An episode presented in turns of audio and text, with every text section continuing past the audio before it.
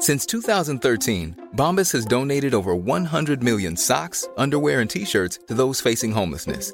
If we counted those on air, this ad would last over 1,157 days. But if we counted the time it takes to make a donation possible, it would take just a few clicks. Because every time you make a purchase, Bombas donates an item to someone who needs it. Go to bombas.com slash ACAST and use code ACAST for 20% off your first purchase. That's bombas.com slash ACAST, code ACAST. One size fits all seemed like a good idea for clothes Nice dress. Uh, it's a it's a t-shirt. until you tried it on.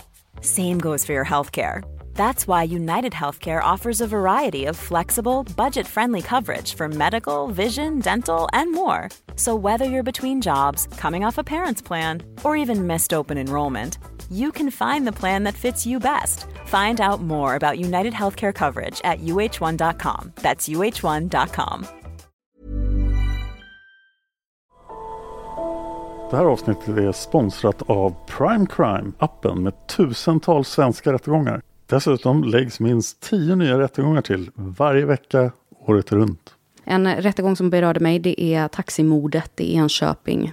En eh, 26-årig taxichaufför som luras ut till ett naturreservat och eh, blev hängd i ett träd. Och det är fem ungdomar som döms. En 16-årig flicka och fyra unga bröder. En rättegång jag tyckte var väldigt fascinerande var föräldrar tvingade sin dotter att dricka ättika. Så otroligt galet. Prime Crime erbjuder även en tre dagars gratis provperiod. Och skulle du välja att bli prenumerant så erbjuder de antingen månadsbetalning för 99 kronor i månaden eller ett reducerat pris på två månader vid årsbetalning. Du kan avsluta när du vill. Tack Prime Crime. Tack så mycket Prime Crime.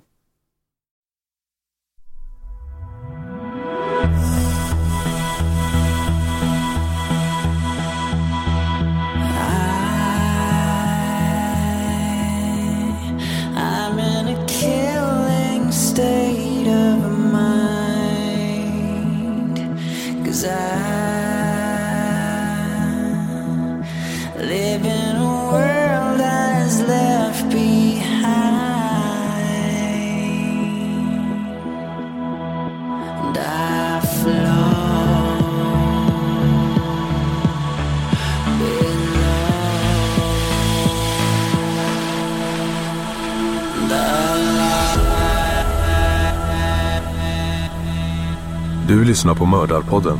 En podcast av Dan Hörning och Josefin Måhlén. Intro och bakgrundsmusik görs av Erik Segerstedt.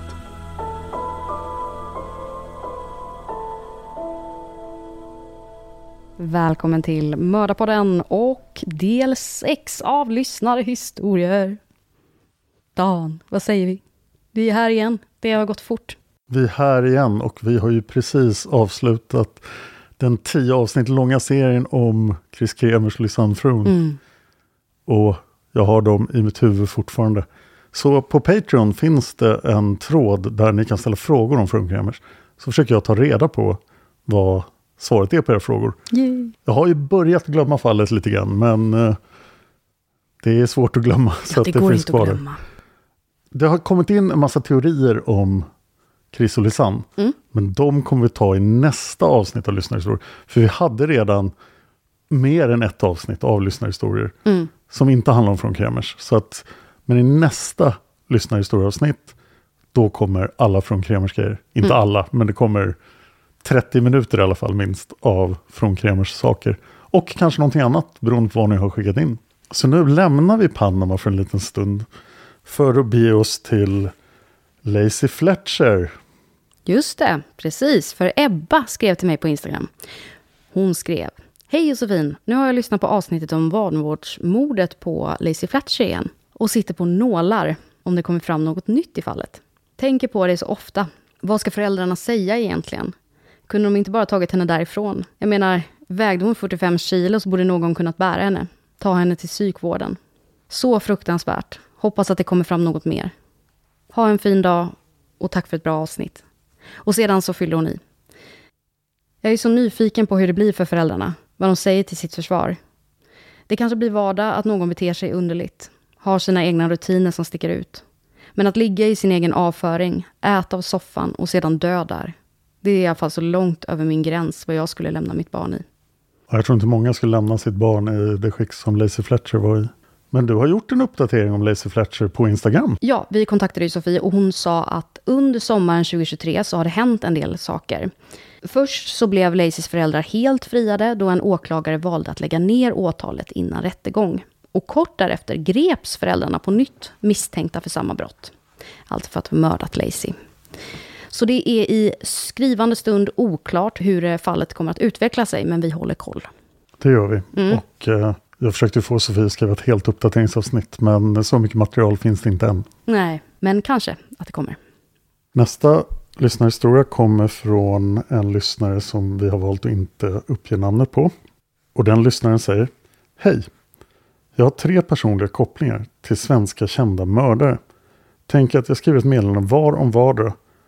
Kanske något för framtida avsnitt av lyssnarhistorier. Ja, det här var ju exakt vad vi ville ha när jag sa det här i avsnitt ett av Mördarpodden. Det var så här jag tänkte mig att det skulle se ut. Så mördare nummer ett. Christer Olsson. Jag kom i kontakt med honom på Heta linjen i mitten av 90-talet. Och vi började prata i telefon nästan dagligen. Och då måste jag inflika en kommentar. Josefin, vet du vad Heta linjen var? Du, jag vet faktiskt vad heta linjen var, för att jag blev, eh, vad heter det, man kan bli sån här, de stänger av en.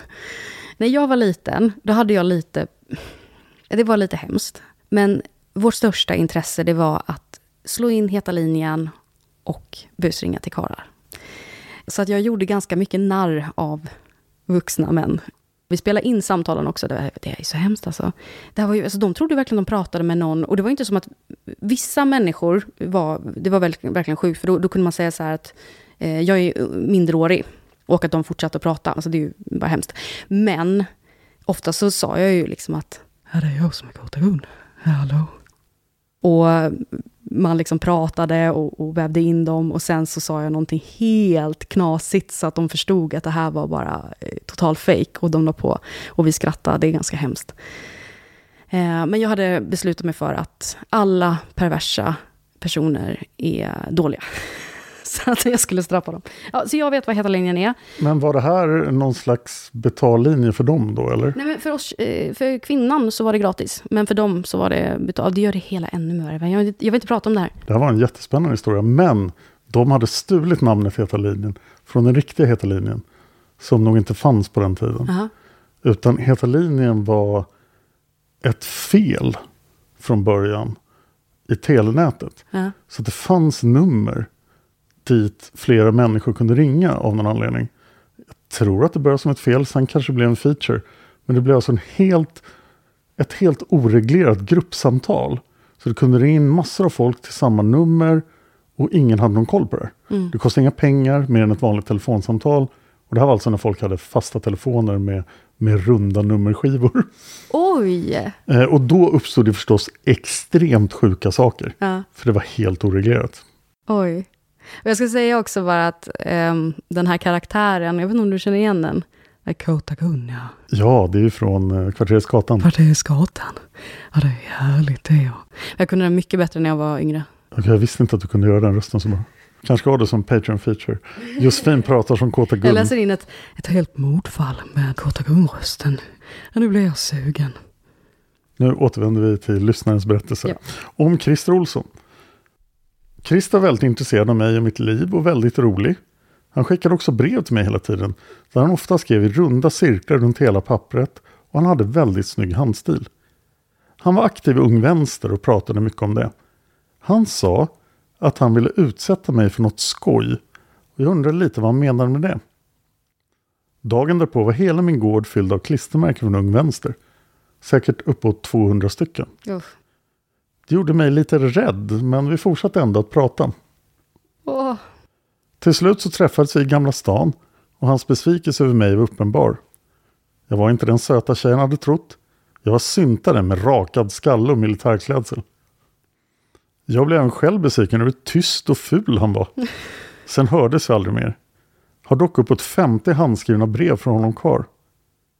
Han nämnde att han var inneboende hos en kvinna som också var aktiv i Vänsterpartiet. Och när jag långt sedan läste om mannen som hade begått ett mord på sin hyresvärd och våldtagit en kvinna från Heta linjen och dessutom känner igen bilden som publicerades på honom fick jag kalla kårar. Ja. Åh, oh, vad obehagligt. Alltså det här är så obehagligt. Ah. Alltså vilken tur att ni båda två kände så här att nej, inte fick någon kemi där på plats. Bästa misslyckade dejten ever. Men vår kära lyssnare har varit med om andra saker. Här kommer mördare nummer två. Anders Ekvall. Mannen som dödade en svart person i Skogås på nyårsafton 99.00. Även Anders träffade jag på Heta linjen 1993. Och vi gick i samma skola tydligen. Och vi blev ett par. Han var skinnhuvud och bodde med sin mamma som hade gift sig med en invandrare som var 30 år yngre än henne. Okej, nu avbryter jag för en kommentar igen. Du vet vad skinnhuvud är? Ja, ehm, precis. Det är nazist. Ja, Det var ju skinhead, ursprungligen från eh, alltså folk med rakad skall och militärkängor. Ursprungligen en vänstergrej, men som blev kidnappad av ja, vit maktrörelsen Mm. med tiden. Och de gick väl över till att bli vammare, de som var nazister. De. Mm. Det var en kort sammanfattning från mig. Lyssnaren fortsätter. Både maken och hans kusin bodde hemma hos Anders och mamman. Jag tyckte det var märkligt med hans rasism när han ändå bodde med två invandrare. Det var dock väldigt uppenbart att invandrarna hade utnyttjat mamman för uppehållstillstånd. Hans pappa bodde på annat håll och när jag och Anders hälsade på hos hans pappa så gjorde pappan närmande mot mig. Äcklig som fan. Anders var ganska snäll men väldigt puckad och tyckte att det var coolt att vara skinnhuvud. Jag tog det hela med ro och trodde inte han var så rasistisk egentligen. Jag märkte inte av det direkt. Men under vårt förhållande så kom han i kontakt med skinnhuvudkretsar där han blev impad av alla coola skinnställ han lärt känna. Jag var med på ett flertal träffar med hans nya polare och hade livliga diskussioner med dem. Jag var själv väldigt vänster just då, så jag argumenterade rätt livligt med dem. Det uppskattade inte Anders. Kommer ihåg en sak de sa om tjejer. Vi älskar blondiner, men hatar mörkhåriga tjejer. Rödhåriga, som jag var, lämnar vi i fred. Så var glad att du är rödhårig. Men oj. Någon slags hårrasism där. och så. Ja, Vid ett festtillfälle med detta gäng så slog hon sönder en sommarstuga i Järfälla. Och jag blev så jävla upprörd på Anders över hur fan han kunde umgås med dessa svin. Jag skällde ut honom mitt i hela gänget och Anders var bara tyst. Jag drog därifrån och någon dag senare ringde han och gjorde slut. Fattar inte att jag själv gjorde det. Sen, några år senare, begick han sitt mord. oj. Och vår stackars lyssnare har alltså en historia om en tredje mördare. Men det här är så sjukt, för jag, jag tyckte den första historien om mördaren var otäckt nära. Och Anders Ekvall blev ju verkligen nära. Alltså det här är ju... Ja, det var eh, ännu värre. Ja, det är ju, hon var ju till och med tillsammans med honom. Då får vi se vad som hände med Nils Nilsson. Mm. Mordet på Melissa. Jag började hänga i syntarkretsarna runt 1990. När jag var 15 år. Nisse var då dörrvakt. Och förtjust i unga tjejer. Så vi fick alltid komma in på klubbarna när han var vakt. Han såg ganska läskig ut. Han var stor och med en MC-look. Dock var han alltid jättetrevlig och pratsam mot oss tjejer. Åren gick och han var en del i umgänget.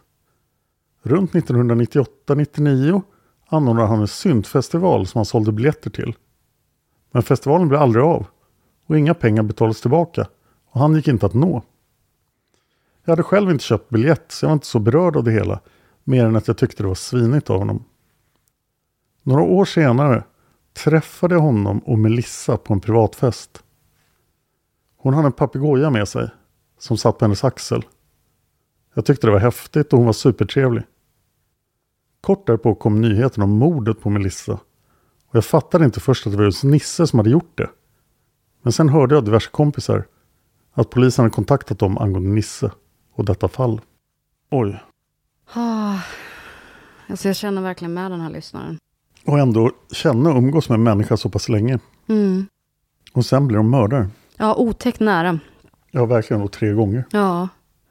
Men vi är glada att du är med oss och eh, tack så jättemycket för det här spännande brevet. Ja, det här var verkligen som du sa där när du eh, i typ avsnitt ett eller två eller tre eller fyra, jag kommer inte ihåg. Men något i de avsnitten så säger du att ja, vi vill ha så här eh, vi berättade du och jag om våra nära döden-upplevelser. Just det. Vilket inte är, eller nä, nära. Det, det var ju ingenting Nej, jämfört det med är här. ingenting jämfört med det här. Eh,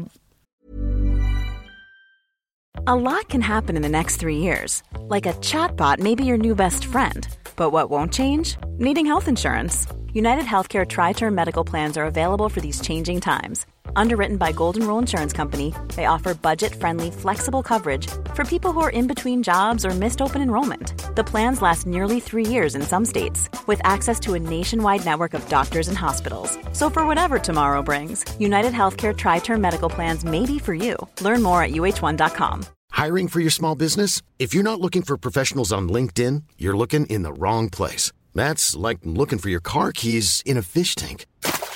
LinkedIn helps you hire professionals you can't find anywhere else, even those who aren't actively searching for a new job but might be open to the perfect role. In a given month, over 70% of LinkedIn users don't even visit other leading job sites. So start looking in the right place. With LinkedIn, you can hire professionals like a professional. Post your free job on linkedin.com/people slash people today. Millions of people have lost weight with personalized plans from Noom, like Evan, who can't stand salads and still lost 50 pounds. Salads, generally, for most people, are the easy button, right? For me, that wasn't an option. I never really was a salad guy. That's just not who I am. But Noom worked for me. Get your personalized plan today at Noom.com.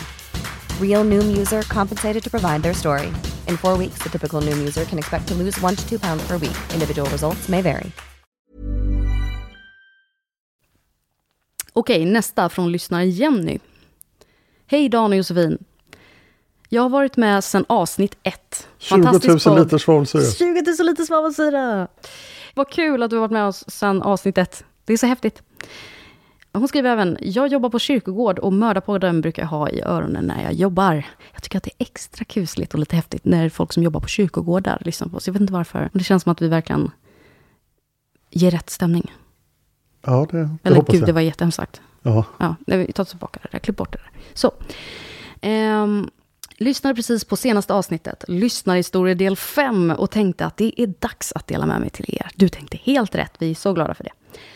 Jag har varit intresserad av true crime sedan jag var barn. Satt alltid med min mamma på 90-talet och kollade på Efterlyst. Just det, och den drog väl igång då? då? Var det inte det? Typ tidigt 90-tal. ja, jag tror det. Och läste mammas tidningar om brott och mord. Det är tur att hon inte har några dutta-tidningar. Kan börja med att berätta om min gammelmormor, eller stålmormor som vi kallar henne. Gulligt stålmormor. Hon hade mycket hyss för sig som ung vuxen i Stockholm på 60-70-talet och hamnade på Hinseberg där hon blev kompis med Hinsehäxan. Henne fick mamma träffa som liten. Asså, men man undrar vad hon har gjort. Stålmormor jobbade på Becka Omberga samtidigt som Cornelis Vreeswijk. Oh, Beckomberg var det här jättestora mentalsjukhuset i Stockholm. jobbade Cornelis Vreeswijk där? Tydligen. Eller var han inlagd? Källa Jenny. Ah, mm. Min morfar har även varit eh, inne några vändor. Häleri, så inga mord. Häleri, va? nu fick jag hjärnsläpp. Häleri är när man säljer stöldgods. Just det, så är det, just det. Han satt av ett eh, straff som Cornelis Vreeswijk. Eh, Samtidigt? Samtidigt som Kron- Jaha, det är därför han har suttit där. Kron- Ja, ja, nu är jag med. Han satt av ett straff samtidigt som Cornelis Vreeswijk och blev vän med honom. För många år sedan var jag sjuk och var inlagd mycket på sjukhus. På en avdelning där var det en kille som jag brukade prata med och gå ut och röka med. Några år senare, när jag en kväll satt och kollade på serien Svenska fall, som min faster är producent till. Henne borde vi ha som gäst i Kikki podden. Seestedt, kom och gästa oss. Eller i huvudet på en mördare. Kommer inte ihåg vilket. Gick in på TV3. Så är det ett avsnitt om honom. Han är galningen som hade ihjäl två personer i Mantorp. Höll på att sätta tet i halsen. Obegripligt när jag tänker tillbaka på det. För jag tyckte att han var skum på sjukhuset. Gärningsmannen jobbade på samma jobb som min lillebror. Ala, lagret i Jönköping. Ja, det här mordet i Mantorp var ju... Ett, jag tänker mig att det här är Gyllensvan. Det kan inte ha varit så många mord i Mantorp. Nej. Kanske vi ska titta på den länken. Ja, precis. Vi fick en länk till fallet också. Ja, det är.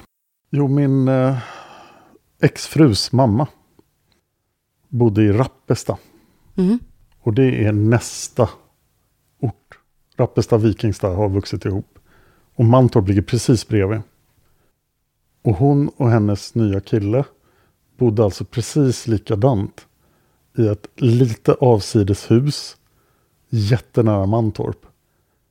Och de hade lika gärna kunnat varit de som föll offer för Gyllensvan. Nej, gud vad. Så det fallet kändes nära. Ja, det förstår jag. Hej Ingrid om du lyssnar.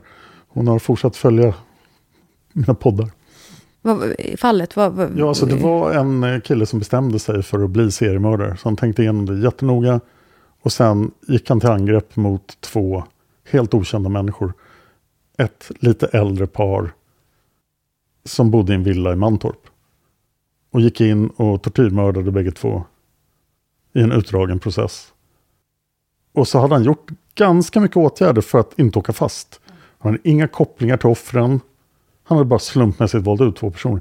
Det kunde alltså lika gärna varit min exfrus mamma Åh, herregud. och hennes kille. Ja. Och när var detta? Men ja, det här var 2017 tror jag. Det visar sig att det är ganska svårt att komma undan med sånt här i Sverige idag. Mm. Så att vill ni bli seriemördare, gör det inte i Sverige. Nej. Nej, bli inte seriemördare. Nej, bli inte seriemördare. Nu kommer en mycket tragisk historia från Jenny. Eller Jenny skriver, nu kommer en mycket tragisk historia, skriver hon. När jag var tonåring så bodde min mamma i ett litet samhälle tillsammans med min bror och lilla syster. De bodde grannar med en familj som var mycket knepig. Dottern där umgicks jag med ibland, men min lilla syster lekte mycket med henne. Familjen var trasig och flickan blev omhändertagen och bodde hos en fosterfamilj. Som sjukt nog är samma familj som Mantorpsmördaren jag skrev om förut. Oj, vad är oddsen för det? Nej, Gud vad sjukt. tillbaka till granndottern. För några år sedan uppdagades en hemsk pedofilhärva i Nässjö. Det är då grannflickan som tillsammans med sin pojkvän förgripit sig på sina egna barn.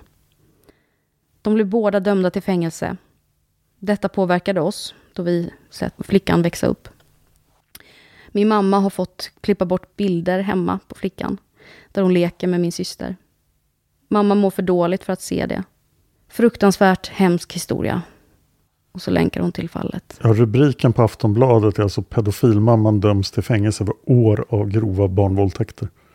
Nu tänkte jag avsluta med en absurd historia om min pappa. Herregud, alltså Jenny bara trappar upp här känner jag. Ja, Han är snickare och hade ett jobb på Dumme Mosse i Jönköping. Han skulle bygga en ramp till toaletten där. Under jobbet där lämnar han några träreglar på marken, för jobbet var inte klart. En av träreglarna användes i ett mord. Offret blev slagen med den och sedan strypt. Detta påverkade min pappa såklart och han fick sitta i polisförhör och berätta allt han visste om träreglar. Min pappa har inget med gärningsmannen eller brottsoffret att göra. De jobbade inte på samma företag. Oj, oj, oj. Eh, och så har hon länkat till fallet här. ja, och där är då SVT och rubriken är åtal mot mannen som misstänks ha dödat affärskollegan. Ja, vilken otrolig slump. Man lägger en träregel på marken. Så kommer förbi någon idiot och använder den för att mörda någon. Eh, Jenny fortsätter här. Många skumma sammanträffanden som blev väldigt tydligt när jag skrev ner dem nu. Fortsätt med det grymma jobbet ni gör. Mördarpodden är en av mina favoritpoddar. Alltså tack Jenny för det här helt otroliga. Jag har typ svårt att smälta det. Ja, det blir ju så här också när det blir så många sammanträffanden. Och så tänker man själv så här, ja men för sig, världen är liten och det händer ju skumma grejer. Det är klart att det påverkar folk runt omkring. Men jag har inte varit med om det här, eller det tror jag inte i alla fall. Nej, jag kan inte släppa det här med Gyllensvan heller. För att Nej. hade han funnits 30 år tidigare och försökt göra samma sak, då hade han kommit undan. Ja, Det är bara modern kriminalteknik som hittar honom. ja. Nästa kommer från uh, lyssnaren Henrik. Henrik säger, jag kör buss på västkusten. Har med stor glädje lyssnat flera gånger om på både denna och andra mördarpoddar. Jag är så tacksam att ni finns. Jag lyssnar på er dagligen när jag kör buss. Kul! Ja, Tack Henrik. Henrik, du har säkert kört mig. Det är jag som alltid är den där som äter på bussen. Eh, nej men alltså vad roligt. Fast det vet man ju för sig, västkusten är ju stort. Men jag tänkte typ att det var kanske ändå... jag tänkte på Göteborg bara. Ja, men du har åkt buss från uh, Göteborg till Stenungsund Ja, massor av gånger. Det måste ju ändå... Folk som jobbar och kör buss på västkusten måste köra den sträckan ibland. ibland någon gång. Sen är ju västkusten i och för sig väldigt mycket mer än bara Göteborg till. Men eh, ja, Jag hoppas inte någon busspassagerare passagerare hör vad han lyssnar på. Eller vad du lyssnar på Henrik, för att eh, det skulle kunna bli konstigt. Ska jag ta nästa också? Mm. Nästa kommer från lyssnaren Mikaela. Hej hej! Jag lyssnar just nu på avsnitt 128, Richard Chase, del 1. I det avsnittet diskuterar ni hans problem och han bedöms vara hypokondrisk. Jag känner här att ni har blandat ihop vad diagnosen innebär. Att vara hypokondrisk innebär att man har stark oro för sin hälsa och det kan även kallas för hälsoångest. Jag bifogar en kort beskrivning från internetpsykiatri.se. Det Josefin pratar om angående skräck för basiller med mera brukar gå under OCD tvångstankar. Jag vet att ni är väldigt intresserade av att veta om något upplevs som fel och rekommenderar även här att passa på att läsa på om diagnoser. Tack för en bra podd. Så nu ska vi läsa på om diagnoser. ja, vi har varit här förr. Ja, Ehm, och i det här fallet skulle jag tänka mig att det är källans fel. mm. Vi kan även försöka skylla på manusförfattaren. Men vi Jag ska vi, vi givetvis säga skyller på manusförfattaren. Men vänta, vänta, Richard Chase, det är ju eh, Camilla. Ja. Camilla för fan. Eh, nej men, ehm, fast i och för sig det är ju jag som säger det här. Jaha, det var inte ens manus. Nej, det var inte ens manus. Förlåt Camilla, Camilla. du är förlåten. Camilla som ni kunde träffa på Mördarpodden Men Camilla var- inte där. Nej, Camilla fick ju förhinder. Ja, Camilla som ni inte alls skulle träffa på förra Mördarpodden. Men jag trodde att ni skulle få göra det. ja precis. Vi hade hoppats. Mm. Nästa mördare på den där förmodligen. Ja, här är då internetpsykiatri.se som Mikaela har citerat från. Oron över den egna hälsan kan till exempel väckas när man läser om sjukdomar eller upptäcker nya signaler i den egna kroppen. Även om vet sig att oron för svåra sjukdomar är överdriven kan det kännas svårt att släppa tanken. Typiska kännetecken. Hälsoångest är en stark och ihållande oro för att själv ha eller kommer att drabbas av allvarlig sjukdom. Checkade på den. Richard Chase checkar ju ganska bra på den. Jag tycker att jag checkar ganska bra på den. Mm, jag checkar nog inte så bra på den. Oron är överdriven jämfört med den verkliga sjukdomsrisken eller de kroppsliga symptom man upplever. Mm, ja, jag checkar. Richard checkar också. Mm. Oron för sjukdom kan väckas av en mängd olika saker. För många med hälsoångest kan det till exempel räcka att läsa om sjukdomar eller se ett tv-program om döden för att känna oro. Check, check, check, check, check. Varför har jag en mördarpodd? också. Plötsliga avvikelser i kroppen, till exempel i form av diffus smärta eller små muskelryckningar, kan också vara skrämmande och tolkas som tecken på allvarlig sjukdom. Ja, Och där är bingo för Richard Chase. Han hittade på avvikelser i kroppen som han blev rädd för. försäkrings... Vad, vad heter det när man, man har sådana där upp... eh, Det, det man inte ska ha. Man ska inte ha försä... Vad fan heter det? Försäkringsbeteenden. Eh, alltså att man ska inte ha beteenden som lugnar en. Alltså det är så man går emot de här grejerna. Okej. Alltså får jag en känsla av att, åh gud, jag kanske eh, har cancer och mitt försäkringsbeteende, det här är helt fel ordval, jag vet, är, är att fråga min pappa, vad tror du om det här? Eh, då ska jag låta bli det och så ska jag bara tänka till mig själv, ah, jag kanske har cancer. Hmm. Jag kan inte göra något åt det. Och så blir jag av med det här då. Internetpsykiatri.se fortsätter. Många med hälsoångest har olika strategier för att hantera sin oro. Såsom att upprepa att kontrollera kroppen, söka information kring sjukdomar, be anhöriga om försäkran, frekvent besöka läkare eller tömma en ko på blod. Nej, vänta, det stod inte det. Det var Richard Chase igen. Ja, där är jag inte än i alla fall. Bra. Vanligt är även att hälsoångest leder till undvikande av sådant som skulle kunna ge upphov till oro, såsom sjukhusmiljöer, vårdkontakter och att utsätta kroppen för ansträngning med mera. Slutcitat internetpsykiatri.se. Ja. ja, jag lägger inte en macka rakt på bordet och äter den i alla fall, så är det. Där kan ingen säga till mig. Nej, har Josefin lagt sin macka på bordet så är det förmodligen jag som äter den. Ja, exakt. I alla fall, vi har fått ett eh, lyssnarbrev från lyssnaren Per. Pierre. Pierre. Jag tycker att Pierre är så himla coolt namn. Mm. Det får jag säga, även om jag inte nu kunde uttala det. Men ja. Hejsan, jag heter Pierre. Eh, Han säger faktiskt sitt efternamn, så får jag säga det. Han säger ju det. Okej, ser. Hejsan, jag heter Pierre Nilsson och är en trogen lyssnare av era poddar. Mördarpodden gillar jag starkt då den handlar om väldigt otäcka fall. Ni undrade hur gammal mördaren i Kakelungsmordet var. Och det kan jag tala om att han blev hela 96 år gammal. Väldigt mycket med tanke på vad han gjort. Själv så lyssnar jag på den, eh, på den här då jag inventerar gamla gravstenar som håller på att försvinna. Och för att få tiden att gå, när jag registrerar dessa och lägger till foton för grav efter grav, så lyssnar jag på er. Just i detta nu har jag registrerat 50 000 gravstenar under 11 års tid och fotat över 80 000. Vill ni kolla, vill ni kolla in dessa är det Gravstensinvesteraren. Inventeringen, Gravstensinventeringen. Googla så får ni se. Vi googlar nu. Så det är en uppmaning till lyssnarna att googla gravstensinventering. Coolt! Och tack för upplysningen om mördaren i Kakelungsmordet. Ja, tack så mycket. Och vad kul att du lyssnar. Eh, Pierre återkom när jag frågade om vi fick ta hans första mejl i avsnittet. Och då berättade han lite mer om projektet. Är det Eva som har skrivit det? Ah. Och då skriver Pierre. Hejsan, tack för ditt förslag. Jo, absolut. Det tycker jag absolut ni kan berätta om. Ni får använda mitt namn och berätta om mitt jobb. Jag har varit på över 50 olika kyrkogårdar och fotat. 2018 fick jag ett diplom som Årets gravstensinventerare utav Släktforskarförbundet. Googla på ordet gravstensinventeringen så kommer ni till sidan och eh, där finns massor av information om hur projektet går till och hur statusen ser ut idag. Det är ett eh, väldigt enkelt och behändigt projekt som alla kan vara med i och bidra. Man fotar hur mycket eller hur lite man vill och registrerar på Släktforskarförbundets hemsida. Det är nästan 515 000 gravstenar registrerade där nu. Bästa tiden att fota är tidig vår, innan växterna kommer upp och skymmer texten på stenarna. I Danmark och Norge har släktforskarrörelsen också registrerat massor av gravstenar. Det pågår i väldigt många länder. USA har gjort väldigt stora insatser på Billion Graves, bland annat. Maila mig igen om ni undrar något mer eller om ni vill ha någon gravsten fotad. Eller så kan jag bistå med lite släktforskningshjälp också. Jag har forskat sedan 1995 och kommit ner till mitten av 1500-talet. Med vänliga hälsningar Pierre. Tack så mycket Per för att du gör det här viktiga arbetet. Det här är jag jätteglad att se. För att gravstenar återvinns ju ofta och försvinner. Det hände ju till exempel Christer Petterssons gravsten. Den blev återvunnen. Oj. Och på det här sättet finns ju ändå gravstenar kvar i digital form. 2002 fick jag uppdrag av min pappa att försöka hitta min farmors mor och farmors fars grav. Oj. I Smedjebacken. Ja. Jag åkte glatt till Smedjebacken, jag skulle ändå dit och gick till kyrkogården.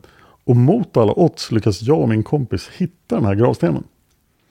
Så jag gick glatt in i kyrkan och sa jag vill ta över gravrätten på den här graven. Ja. Och de tittade i sina papper och bara, det är ingen som haft den här gravrätten på ganska länge. Men det var en liten kyrkogård så de behövde inte ta bort gravar.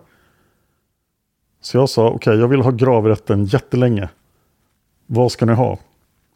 Och då tyckte de, okej, okay, om du pröjsar oss tusen kronor så får du gravrätten i 10 000 år.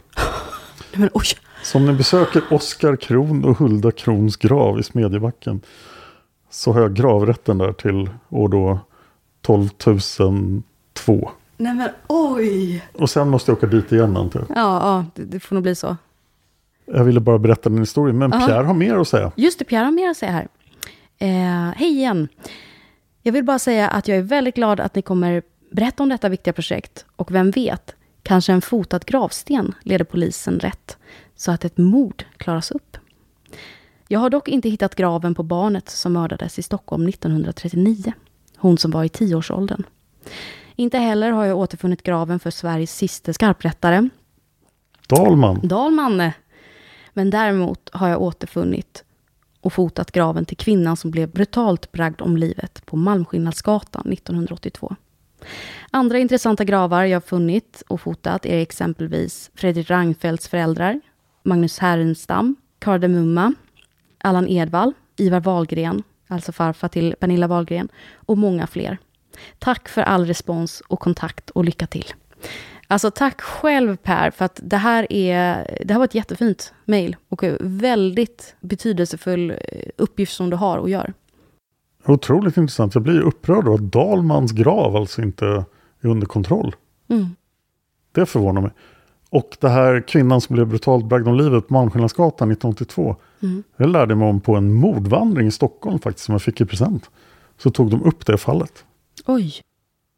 Det är kanske någonting vi borde ta upp i framtiden. Ja, Men det måste vi fylla i formuläret så att manusförfattarna får veta i så fall. just det. det måste. Nästa kommer från Erik Wahlbom, en av våra lojalaste lyssnare. Och också en lyssnare till alla mina mordpoddar. Ja, Erik. Och han kommenterar då Massmördarbjörnen Ja! och säger Det här är faktiskt en av mina absoluta favoritserier av er. Jag har alltid varit svag för djurattacker. Jag älskar verkligen Dans inlevelse i avsnitten. Jag med. Jag hade ganska mycket inlevelse i de avsnitten. Så Jag här. kanske till och med var för pepp. Ja. Men jag har beställt ett till fall av David. Ja!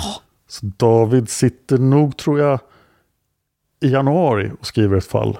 Om en krokodil, om en krokodil, snälla. Men nej, ingen krokodil. Mm.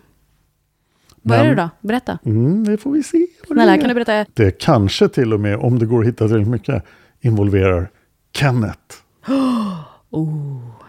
Nästa kommer från vår gamla kompis René från Jämtland. Som var med i förra avsnittet. Och hon skriver angående björnar. Jag brukar åka till, oj det här kommer alla jämtlänningar att slå mig för, för det här kommer jag uttala fel. Jag brukar åka till Hillsand. Där finns det en del björnar runt huset. Men jag brukar aldrig gå ut. Följer med för min svärmor tvingar mig. Jag har hört dem utanför huset men jag har inte sett någon björn här i Sverige. Min svärmors sambo brukar säga titt som tätt att det är en björn utanför. Men i Mellanöstern har jag sett en björnunge som en av mina fastrar hade. Och vet du vad de gjorde med björnen? De åt upp den när den blev tillräckligt stor. Nej. Oj, Jag tänkte att det hade varit ännu sjukare om hon sagt att de ammade björnen. ja, det hoppas jag verkligen inte gjorde. Mm.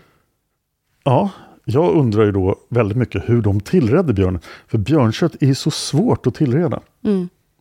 Alla gånger jag ätit björn, för jag har ätit björn, så har det varit i korv eller någon gryta.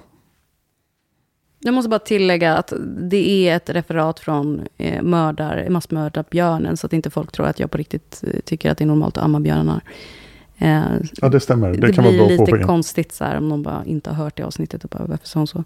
Den här orten då, som jag inte är säker på att uttala rätt, Hillsand, är en by som ligger Ströms socken i Strömsunds kommun i norra Jämtland.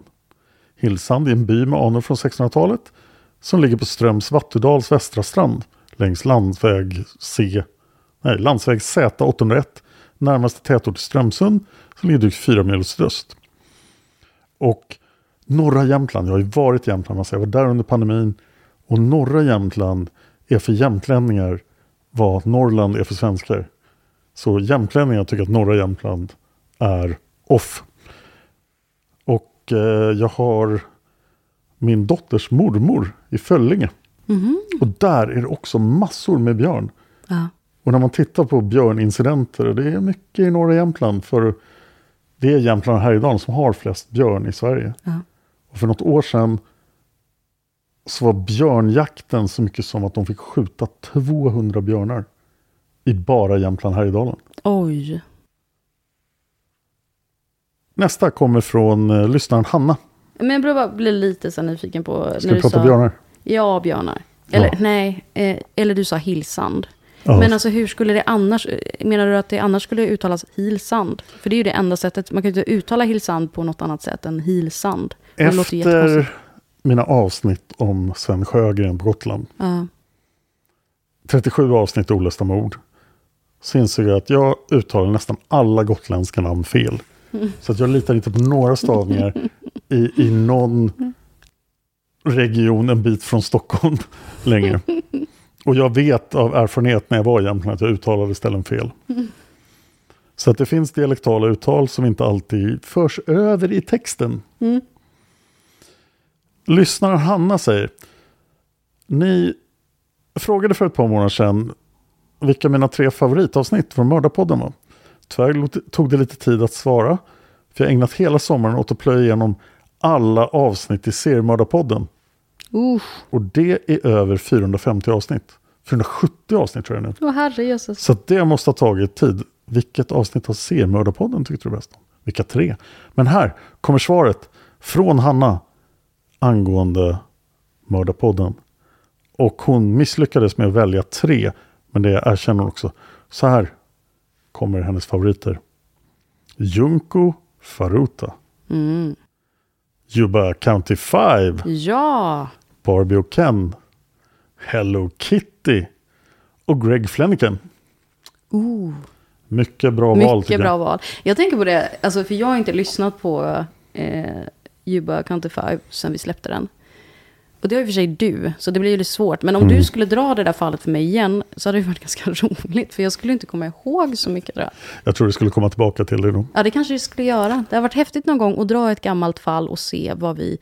Eh, men, men nu tycker jag att just Juba Counter 5 var väldigt lyckat. Alltså det var en lyckad inspelning och det var... Eh, men något som man kanske skulle vilja göra om det är Janko förut, Junko förutan. Så att jag kanske säger Junko istället för Janko i hela avsnittet. Och att vi inte skrattar lika mycket. Det är något som jag tänkt på i alla fall. Att, eh, ja, får vi in att folk bara ja, gör det här, då, då kan vi tänka mer på den Vad, idén. vad sa jag till dig när vi började göra den här podden? Om våra första avsnitt. Vi kommer för alltid att hata dem. Ja, men konstigt nog tycker jag fortfarande väldigt bra om Som ser. Ja, jag gillar också som ser. Men jag menar mer att det har varit kul att få en lite mer vuxen stuk på det. Den var ju en bebis på den. Jag kan ju inte sluta tänka på Juba County 5. Jag har ju faktiskt funderat på att göra om Juba County 5 i Olösta mord. Nej, det får ni inte. ja, då får jag bli inbjuden. Ja, du får gäst. Vänta, då blir det för likt Marpol. Ja, Ja. vi, vi eh, skjuter upp det där. Lyssnaren Richard skrev på...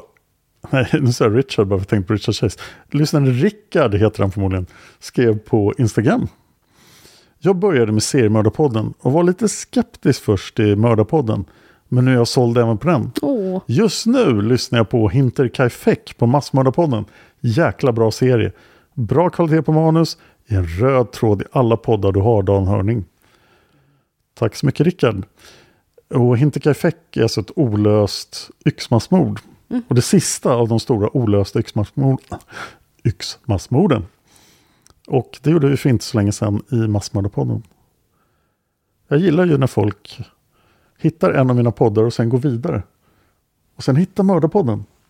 mm. Ja, men det är väldigt bra.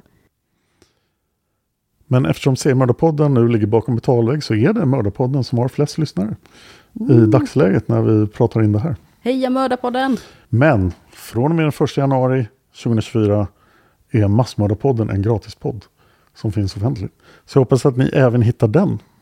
Ja, men lyssna inte för mycket på den, utan får stanna kvar hos Mördarpodden. Och, Det finns tid för alla poddar. mm, det tror jag inte, det var så många poddar. Lyssna på Hard Nerd Café. Nästa är från lyssnaren Lisa. Hon säger Jag lyssnade på avsnitten om Feline Grant. Väldigt intressant fall. Här är min teori. Kommer du ihåg det här fallet? Alltså, jag kommer ihåg att det är jag som har dragit det. Mm. Ehm, men nu ska vi se, är det, är det inte den när det är... Fast det var ju inte olöst. Mormoner. Mormoner. Hon, ja, som, men gud, ja, ja, hon absolut. som ramlade ner för klippan ja, och inte nu, dog. nu, nu förstår jag varför det kändes så bekant. Ja, självklart, det var inte länge sedan. Här kommer teorin. Mm. Doug vill gifta om sig med Feline för att få tillbaka sitt anseende inom församlingen. Samtidigt vill han egentligen leva med Hillary och inte med Feline. Mm. En teori är förstås den som Feline själv trodde på, att allt var Guds vilja. Jag är inte troende, men jag tycker också att det verkar ologiskt att Gud skulle kommunicera den viktiga informationen om att Feline snart skulle dö genom Dags drömmar. Gud hade ju tidigare kommunicerat direkt med Feline. Jag tror att Dag manipulerade Feline att tro att hennes dagar var räknade och att detta var Guds vilja. Detta gjorde han dels för att få henne att ge sitt godkännande till Dags och Hillarys framtida äktenskap. Men han gjorde också detta för att påverka Felins omdöme. Doug tar med sig Felin till en brant klippa för att titta på utsikten. I vanliga fall är man förstås försiktig på en sån plats, men Felins tankar var upptagna av hennes stundande död och att Gud kallade på henne. Doug tänkte nog att allt skulle sköta sig självt därifrån. Nu gick det inte precis som han tänkt sig, eftersom fallet dämpades av ett träd. Då försåg han istället Felin med sömnmedel och starka smärtstillande och tappade upp ett bad åt henne mitt i natten. Jag funderar också över Hillary, som i 19 års ålder fick ta över vårdnaden om en annan kvinnas fyra barn. Jag undrar vad hon tänkte kring allt som hände och hur mycket hon visste om Dougs förehavanden. Tack för en bra podd. Hälsningar Lisa. Tack Lisa. Och ja, just den här sista delen var ju väldigt intressant, för jag tror inte vi diskuterade det. Eh, just hur Hillary tänkte och kände och även hur hon tänker idag. För idag så är det ju så att barnen har ingen speciell misstanke mot sina föräldrar. Utan de verkar vara en fungerande familj. och eh, Hillary är ju eh, någon form av bodybuilder va? Eller så här, inte bodybuilder men Ja, just det, fitness. det eh, ja, Mm. eh, gjort fitnesstävlingar och, och så. Och jag kommer ihåg från rättegången att barnen i alla fall ville att, eh, ja, men att pappan inte skulle... Alltså de, de trodde inte ett skvatt på det här. Nej. Ehm, vad vill jag komma med det? Jo, jo, alltså att vi, är, vi nog pratar aldrig om hur Hillary såg på detta. Ja, det är ju en konstig sits, men de... Och det är ju underligt att det fungerar så bra och ingen mer har dött. Mm. Mm. Och samtidigt som fallet är så suspekt att det kan ju inte ha, eh, eller kan kan det ju, men, men det är ju väldigt suspekt. Eh, han, eh, mannen, är ju, Oh ja. Ja. Så lyssna på avsnittet om Failing Grant.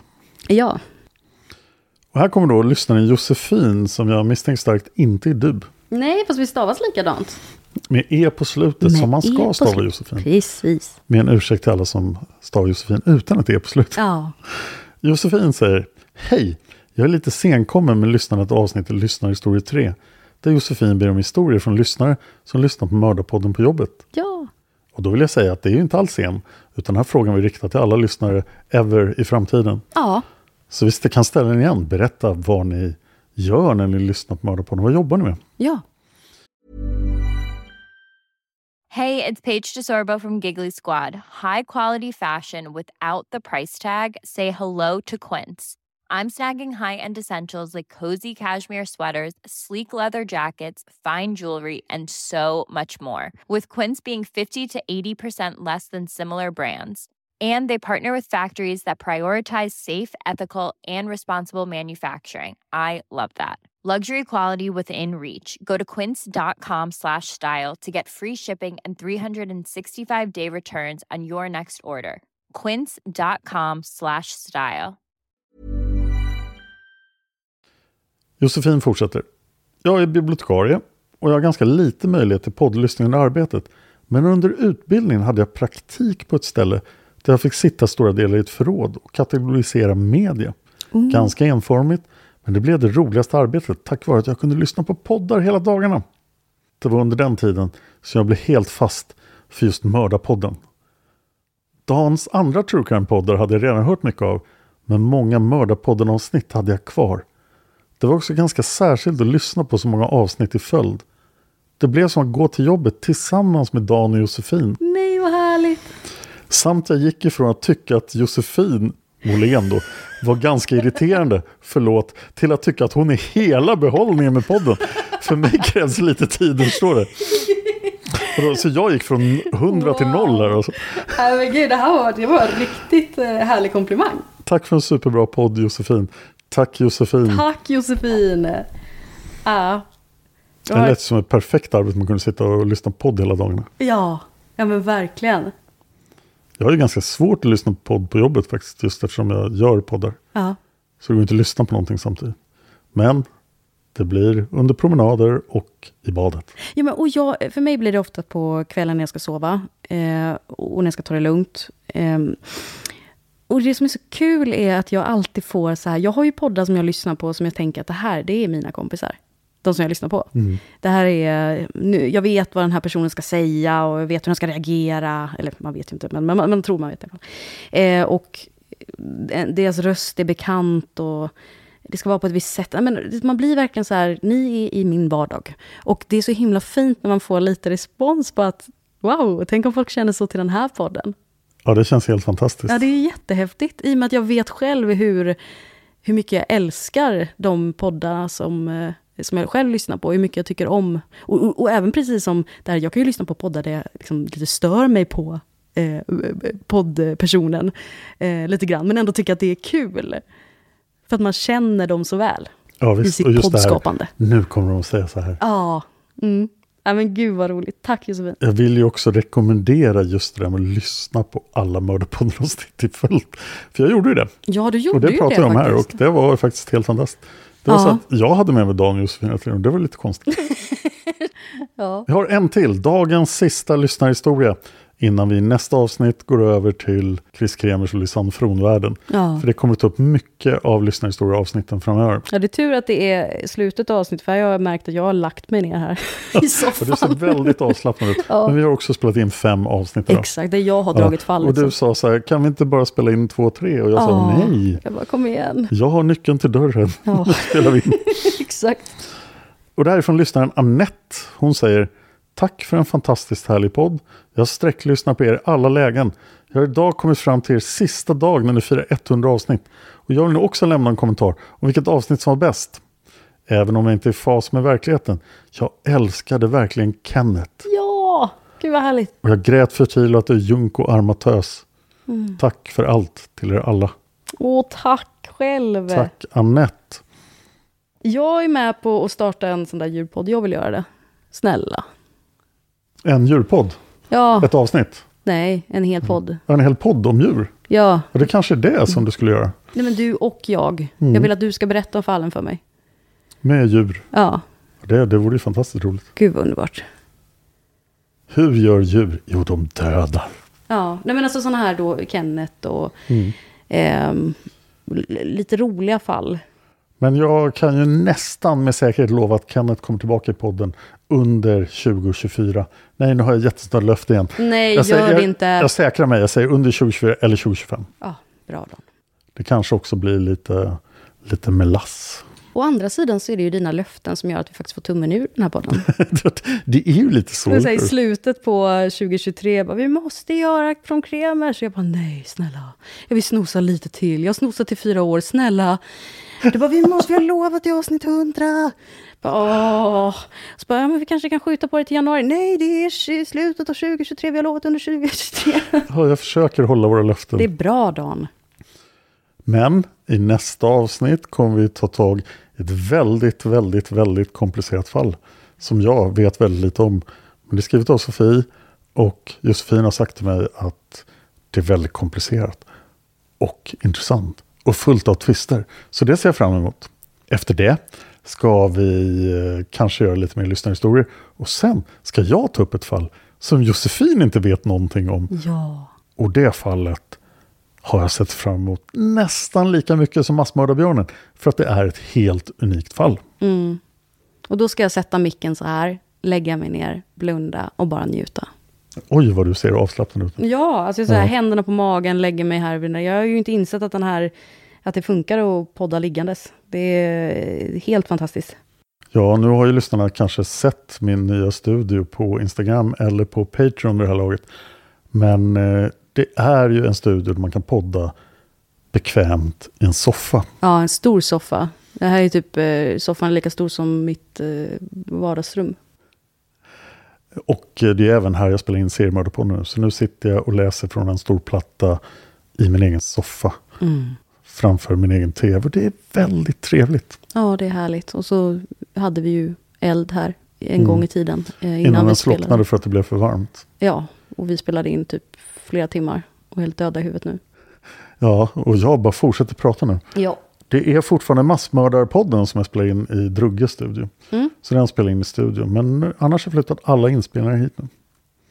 Härligt. Mm, vi sitter här med utsikt över Vasastans takåsar. Ja, precis. Det är en Och- takvåning. Ja, vi är högst upp på Sveavägen. Ja, med världens läskigaste hiss. Jag har en jätteläskig hiss. Alltså usch. Får jag berätta om den? Eller? Ja, berätta om den Jag läskiga kan hissen. säga så här, tänk er att ni går in i en, i en eh, liten hönsbur typ. För det är verkligen så här galler, fast det är inte sånt galler, men det är galler. Och så är den typ, vad, vad kan det vara? Alltså 50 gånger 50 centimeter. Den påminner lite om en likkista. Exakt. Och så är det att du kan stå där, man kan vara två stycken, men man, får, man står nära varandra då. Och så klickar man på högsta våningen. Och sen har du verkligen stängt alla dörrar.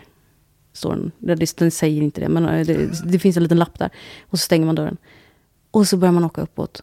Och det knarrar.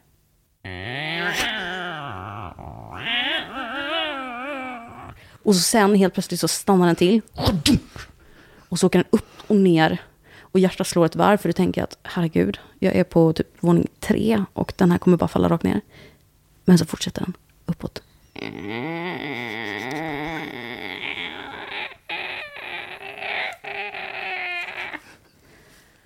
Och till slut, när du är där högst uppe och bara okej, jag överlevde ännu en gång. Då öppnas eh, gallret, men inte dörren, för den får du öppna själv. Så du känner liksom att du är där instängd. Och du bara kastar dig ut, tar ett djupt andetag. Och där ser du Don Hörnings skylt på dörren. Jag visste inte att du kände så starkt om min hiss. Jag visste att du var lite rädd för det. Men jag tänker, när, när du står där i hissen, har du någonsin reflekterat över det faktum att det är bara en tunn planka som du står på? Och vad skulle hända då? Du märker att den knakar, men tänk om den bara skulle öppna sig. Åh fy tusan. Och då skulle inte hissen falla, utan bara du. Bara jag ja. Mm. Ja, för det blir ja. Och det, det känns ju nästan som en sån liten lucka. Ja. Som man går in i.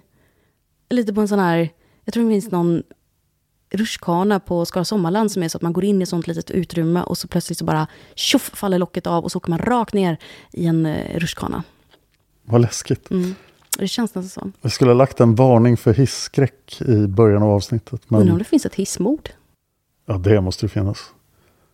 Jag såg en gammal eh, Jack the Ripper-film från 50-talet. Som slutade med att Jack the Ripper föll ner under en hiss. Och hamnade död längst ner. Nu spoilar jag, men den har funnits i 70 år. Ja.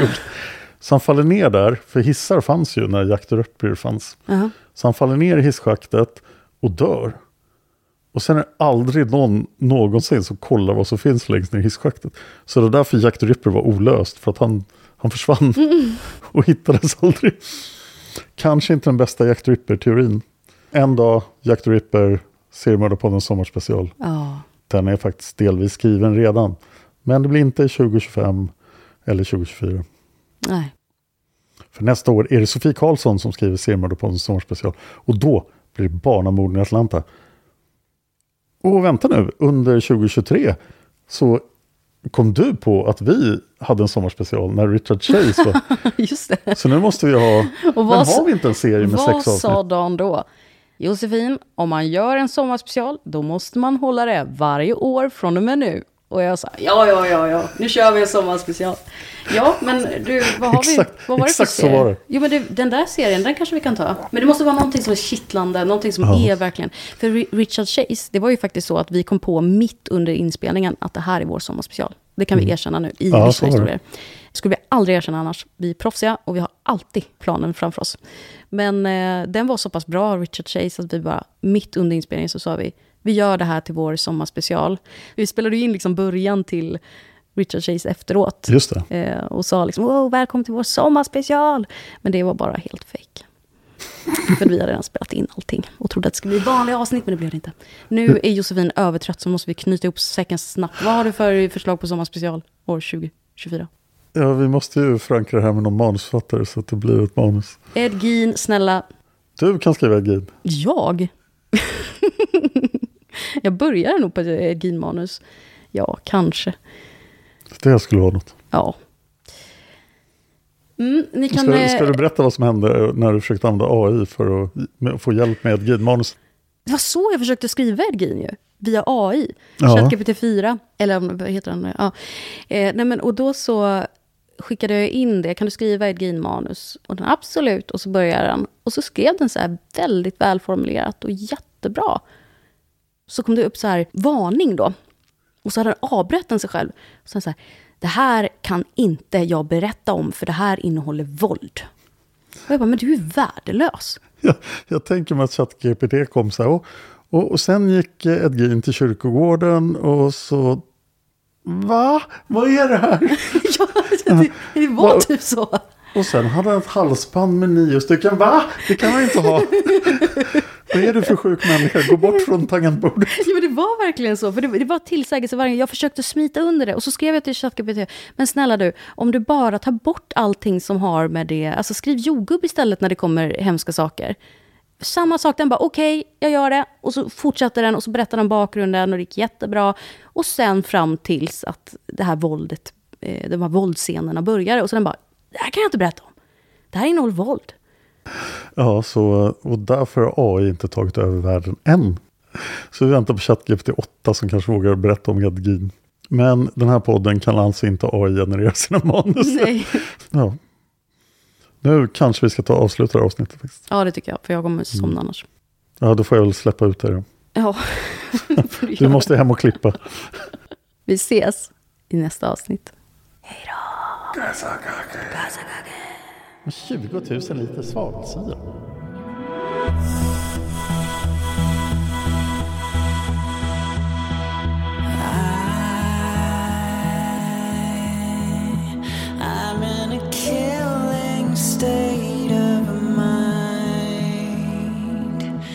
I'm